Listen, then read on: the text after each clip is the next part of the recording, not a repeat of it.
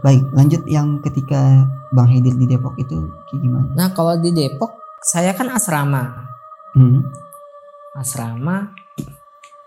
Saya tuh kuliah, eh saya kan tinggal di Depok itu di asrama. Kuliah itu saya di, di Ciputat. Biasanya saya itu kalau misalkan pulang dari kampus jam 5 sampai Ciputat itu jam 6. Hmm. Ya, cuman kadang-kadang tuh saya kan habis ngampus tuh ngopi sebentar tuh sama teman. Akhirnya sampai rumah, eh sampai rumah, sampai asrama itu sekitar setengah tujuh lah. Jadi sampai asrama saya setengah tujuh, kamar saya itu ada di atas. Oke. Ya, jadi ada asrama, asrama tuh dua tingkat. Kalau asrama ini ya gedung saya tuh ada dua tingkat. Saya tuh di kamar kecil, jadi eh, samping asrama tuh tangga untuk naik. Hmm. Nah kamar saya baru kamar besar nih, anak-anak didik lah, Iya, oke. ya anak-anak asrama yang biasa buat ngaji. Nah depannya itu ada kamar mandi, gitu. Tapi menghadapnya tuh nggak hadap-hadapan, jadi kayak letter L. Oh iya, oke. Iya. Nah kala itu kan orang pada ke masjid. Hmm. Ke masjid itu untuk ratiban, ratiban baca Quran. Saya pun sholat maghrib kan, dalam arti baru sampai mandi sholat maghrib. Tentu saya di kamar karena udah tertinggal dengan di masjid. Gitu. Jadi biasanya saya sholat maghrib di kamar, habis itu baru ke masjid, ke masjid nunggu isya, baru habis itu kan mereka mengkaji kitab. Mm-mm.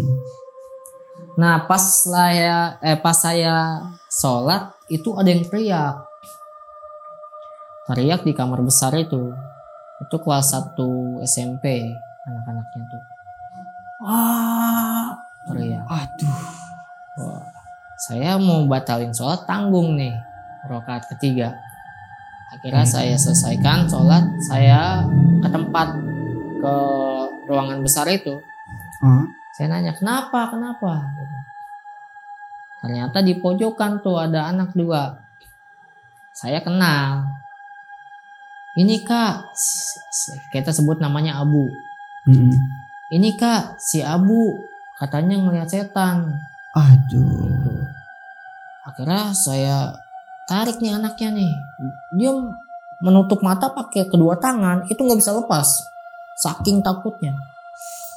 Bu, Oke. kenapa bu? Eh, eh, buka, buka matanya buka. Gak mau dia. Dia nunjuk ke arah pojok.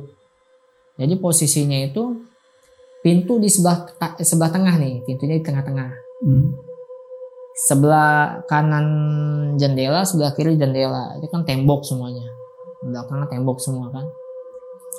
Nah, sebelah kanan nih saya masuk pintu, sebelah kanan tuh posisi abu. Hmm. Ya, Masuk ke dalam belok kanan. belok kanan ya posisi abu.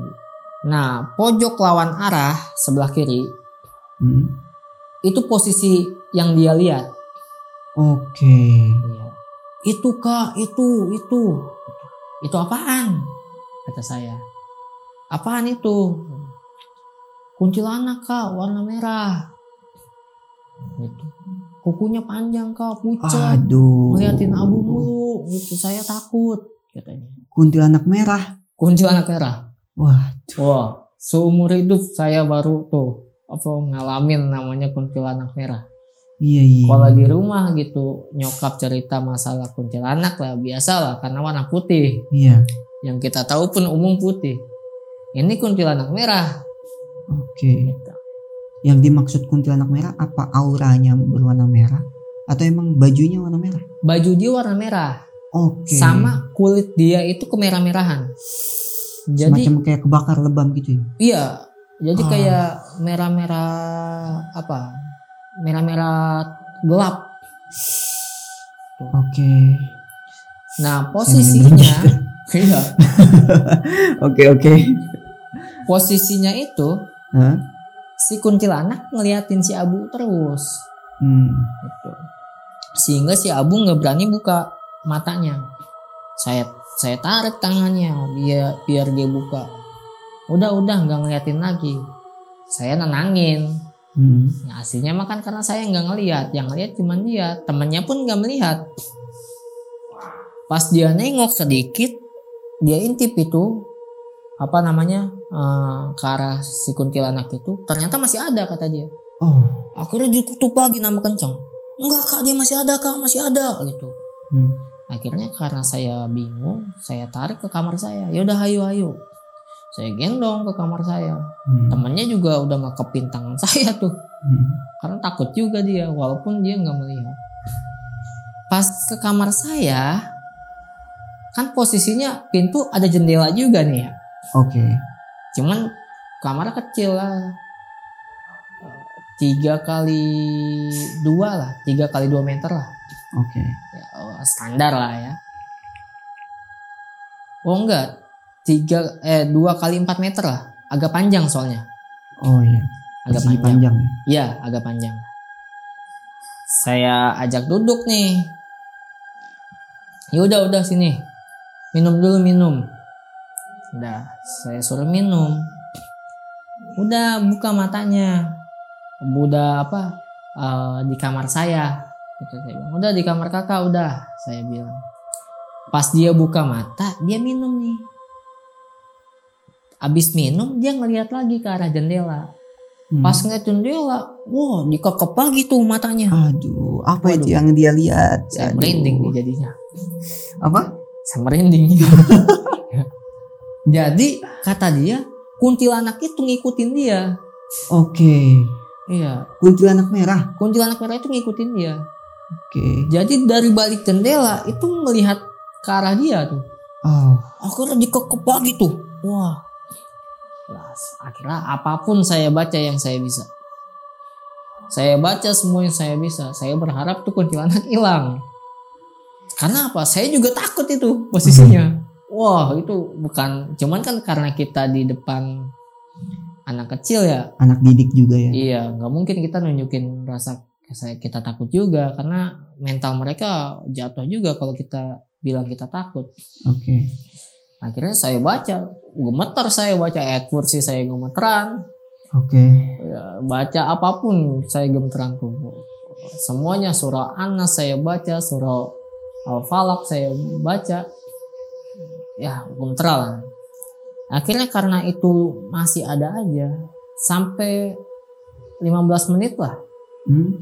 Dia tetap Lama juga ya. tetap- 15 menit. lama Lama ya. lama itu ditutup matanya pas dia ngelihat tuh masih ada Itu tujuannya apa itu kuntilanak merah itu? nah nanti ketahuannya di akhir Oke.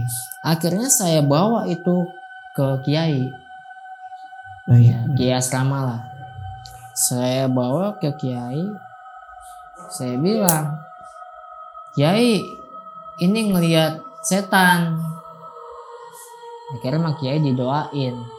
Diusap nih kepalanya. Iya. sama kiai ya udah. Dia kak apa jalan lagi. Saya ngetes bener udah nggak ngeliat apa enggak kata dia nggak ada. Kan jalan tuh kan. Kalau Hmm. misalkan kebuka dia masih bisa ngeliat kan pasti di jalan-jalan ngeliat. Nggak ada. Sampai habis isa. Itu kan kejadian tuh setengah tujuh sampai jam tujuh. Lama itu kejadian. Lama ya. Lama itu Kasihan juga itu mentalnya wah bisa. kasihan itu dia nggak ikut ngaji akhirnya Oke. dia sama saya jadinya tuh di kamar tuh nggak tapi bukan di kamar atas nih jadinya Baik. kita di kamar asrama bawah Oke. nah akhirnya seteng eh setelah pulang ngaji itu kan sekitar jam 8 lewat sampai setengah 9 Hmm. dia mau naik tangga tuh takut Hmm. Karena teman-temannya udah di atas udah main-main sel- selesai ngaji. Ayo udah nggak apa-apa ayo akhirnya saya tuntun. Ada nggak? Nggak ada kan udah ketutup? Iya kak udah nggak ada tadi ya Baik. udah bisa nggak ngeliat lagi. Pas sampai kamar setengah sembilan pas ternyata dia kebuka lagi tuh. Aduh. ngeliat lagi. Jeda setengah jam itu ya. jeda setengah jam. Weh jeda sekitar sejam dua jam itu kan Oke. setengah sembilan Oh iya. tapi yang dia lihat bukan kuntilanak merah Apa itu? tuyul Waduh. gitu. Jadi tuyul main-mainan tuh di depan kamar, lari-larian. Lari-larian Ah, gitu. kacau, kacau. Akhirnya Oke. saya ke kiai lagi. Kiai ini kebuka lagi. Jawaban kiai itu simple menurut saya. Ya gimana? Ini waktunya dia emang kebuka mata batinnya. Oh, gitu ya. Iya, akhirnya saya tanya, Abu orang mana? Orang Kalimantan kak. Oh. Gitu. Emang bapaknya kiai juga? Saya nanyakan atau orang-orang eh, Jawara lah atau apalah gitu orang-orang hebat gitu. Kata dia, kakek saya ketua suku kak. Gitu. Hmm. Wah. Betul, betul. Di situ saya nggak heran bahwa Abu mungkin matanya emang suruh udah dibuka. Turunan. keturunan bisa jadi atau emang keluarga tuh ada amalan tertentu yang si anak kebuka nih umur sekian umur sekian Hmm. gitu jadi kalau di pondok itu kuntilanak setan muka rata oh itu banyak lah itu di asrama itu banyak Oke. jadi kalau itu kalau se- setan muka rata itu benar-benar ditabrak Ditabrak. ditabrak jadi kan asrama kan letter L ya Baik. Ya, jadi kamar mandi ada empat empat kamar, empat kamar mandi. Hmm. Nah, paling ujung itu ada tempat buat nyuci, nyuci baju. Oke. Nah, biasanya eh, senior itu nyuci baju malam, Hmm. sekitar jam 10 jam 11. Ya. Nah, kita kan biasanya kan ngobrol di depan kamar. Hmm. di depan kamar kita ngobrol dia teriak eh mukanya rata kata dia gitu Siapa itu yang mengucap? Senior tuh Oke. kita sebut aja namanya siapa ya AB lah AB. AB lah weh mukanya rata Gitu. Aduh. Wah. Oke. akhirnya lewat depan saya saya nanya apaan bang lah itu saya selesai nyuci belok mau mau ke kamar maksudnya tuh mau turun kan lewatin kamar ya Hmm. ada wujud mukanya nggak ada rata Hmm. Saya tabrak aja. Gitu. loh kok berani bang? Iya soalnya udah biasa lah. Saya udah berapa tahun di sini. Waduh. kalau kita di posisi dia kita udah nggak bisa ke mana-mana itu. Iya iya iya. bisa betul. pingsan di tempat. Jadi kalau di asrama banyak kita kejadian. Nenek-nenek nyapu. Masa nenek nyapu? Nenek-nenek nyapu. Malam-malam? malam-malam Oke. Jadi kalau kita lagi tidur, mungkin kan ada satu dua orang yang nggak bisa tidur ya. Hmm. Malam suruh tidur kan, pasti ada satu dua. Nah kebetulan itu saya waktu masih SMP SMA lah, SMA kalau itu nggak bisa tidur. Yang dengar serak serak serak gitu. Oke. Kan kita ini siapa gitu ya nyapu malam-malam. Kita intip dari jendela. Pas intip dari jendela ternyata ada nenek-nenek nyapu. Nenek-nenek. Nenek-nenek nyapu. Wujudnya kayak gimana itu? Kalau dari atas rambutnya berantakan. Ubanan Putih. gitu ya. Iya, putih ya kayak uban gitu lah. Putih berantakan, bajunya tuh kumel kayak baju-baju nggak layak. Ah. Nyapu pakai sapu lidi biasa. Oke Serak. oke oke. Seret. Tapi nyapunya nggak jelas gitu. Apa yang disapu juga nggak jelas. Kayak nggak ada tumpukan sampah. Dedaunan tuh nggak ada. Kayak itu di bawah di posisinya. Kita langsung langsung tutup selimut gitu karena takut Panik ya. panik gitu. Jadi banyak kalau di asrama itu. Nah cuman secara eh, apa namanya kalau misalkan dibandingkan dengan di rumah 11-12 lah. 11 12. Yang berbeda di asrama itu lingkungannya lebih luas. Kalau di rumah itu kan cuma satu rumah, gitu. Iya betul. jadi lebih kerasa auranya. Kalau di asrama kan lebih luas. Gitu. Tapi eh, dari pendapat anda ini, maksudnya mengapa seorang tadi maaf ya yang si Abu tadi itu anak kecil itu bisa dihantui dihantui berbagai macam makhluk gitu ya yang membuat dia itu bisa takut gitu apa emang itu sebagai ujian pembuka supaya mental dia kuat suatu saat nanti atau hanya sebagai balas dendam gitu Oh, dari kakek-kakeknya? Kalau misalkan saya yang saya cerna, yang saya pahami kala itu mungkin itu bangsa mereka nih bangsa ya itu kuntilanak dan lain-lain mereka pun penasaran dengan kita Oh, oke ya dalam arti gini secara umum kan kita nggak ngelihat nih ya Mm. kita lalu lalang ya cuek nah kalau misalkan ada yang bisa melihat mereka pasti kan ngeliatin Hmm. itu itu siapa ya itu apaan ya penasaran ya Hmm. dia pun sama pas ngeliat lah ini manusia ngeliatin saya nih Hmm. bisa ngeliat nih dia Oke. otomatis mah dia dijailin Oh, Nah. oke. Kalau saya lebih ke situ Berarti tujuannya hanya untuk apa namanya menggoda gitu ya? menggoda iya penasaran "Ih, ini orang bisa ngeliat saya nih Hmm. saya jailin ah menggoda ah Hmm. gitu karena yang saya lihat nggak ada kontak fisik gitu Iya iya betul betul. nggak ada serangan fisik nggak ada untuk ganggu mendorong atau Iya. melukai Hanya cuman kelihatan aja gitu ya. hanya ya penampakan aja Hmm. nampakin diri itu Dan yang kedua adalah kenapa makhluk-makhluk itu suka sekali menunjukkan dirinya di depan anak-anak kecil. Kayak tadi di rumah anak eh, ponakan Anda gitu kan ya. Terus yang ketika di pondok di pondok itu ya, asrama itu si Abu itu yang merupakan anak didik. Itu kan anak-anak kecil semua itu. mungkin dikarenakan mereka itu lebih polos Oke. udah gitu responnya tuh lebih lebih bervariasi bervariasi kan Mhm. kalau misalkan orang dewasa kan apaan sih Iya iya iya. ya betul. maksudnya lebih cuek lebih berani Hmm. kalau anak kecil kan ada yang takut banget ada Iya. yang langsung pingsan sehingga menjadi ketertarikan mungkin tersendiri buat buat, Buat mereka. mereka ya. iya sama seperti kita kan kadang jahil juga kan gitu iya anak ini kok dijailin malah lucu gitu. Oke iya betul. ini asumsi saya Iya betul. Ah, Oke dan lumayan lama ini panjang ceritanya dan ini udah serem banget ya kisahnya.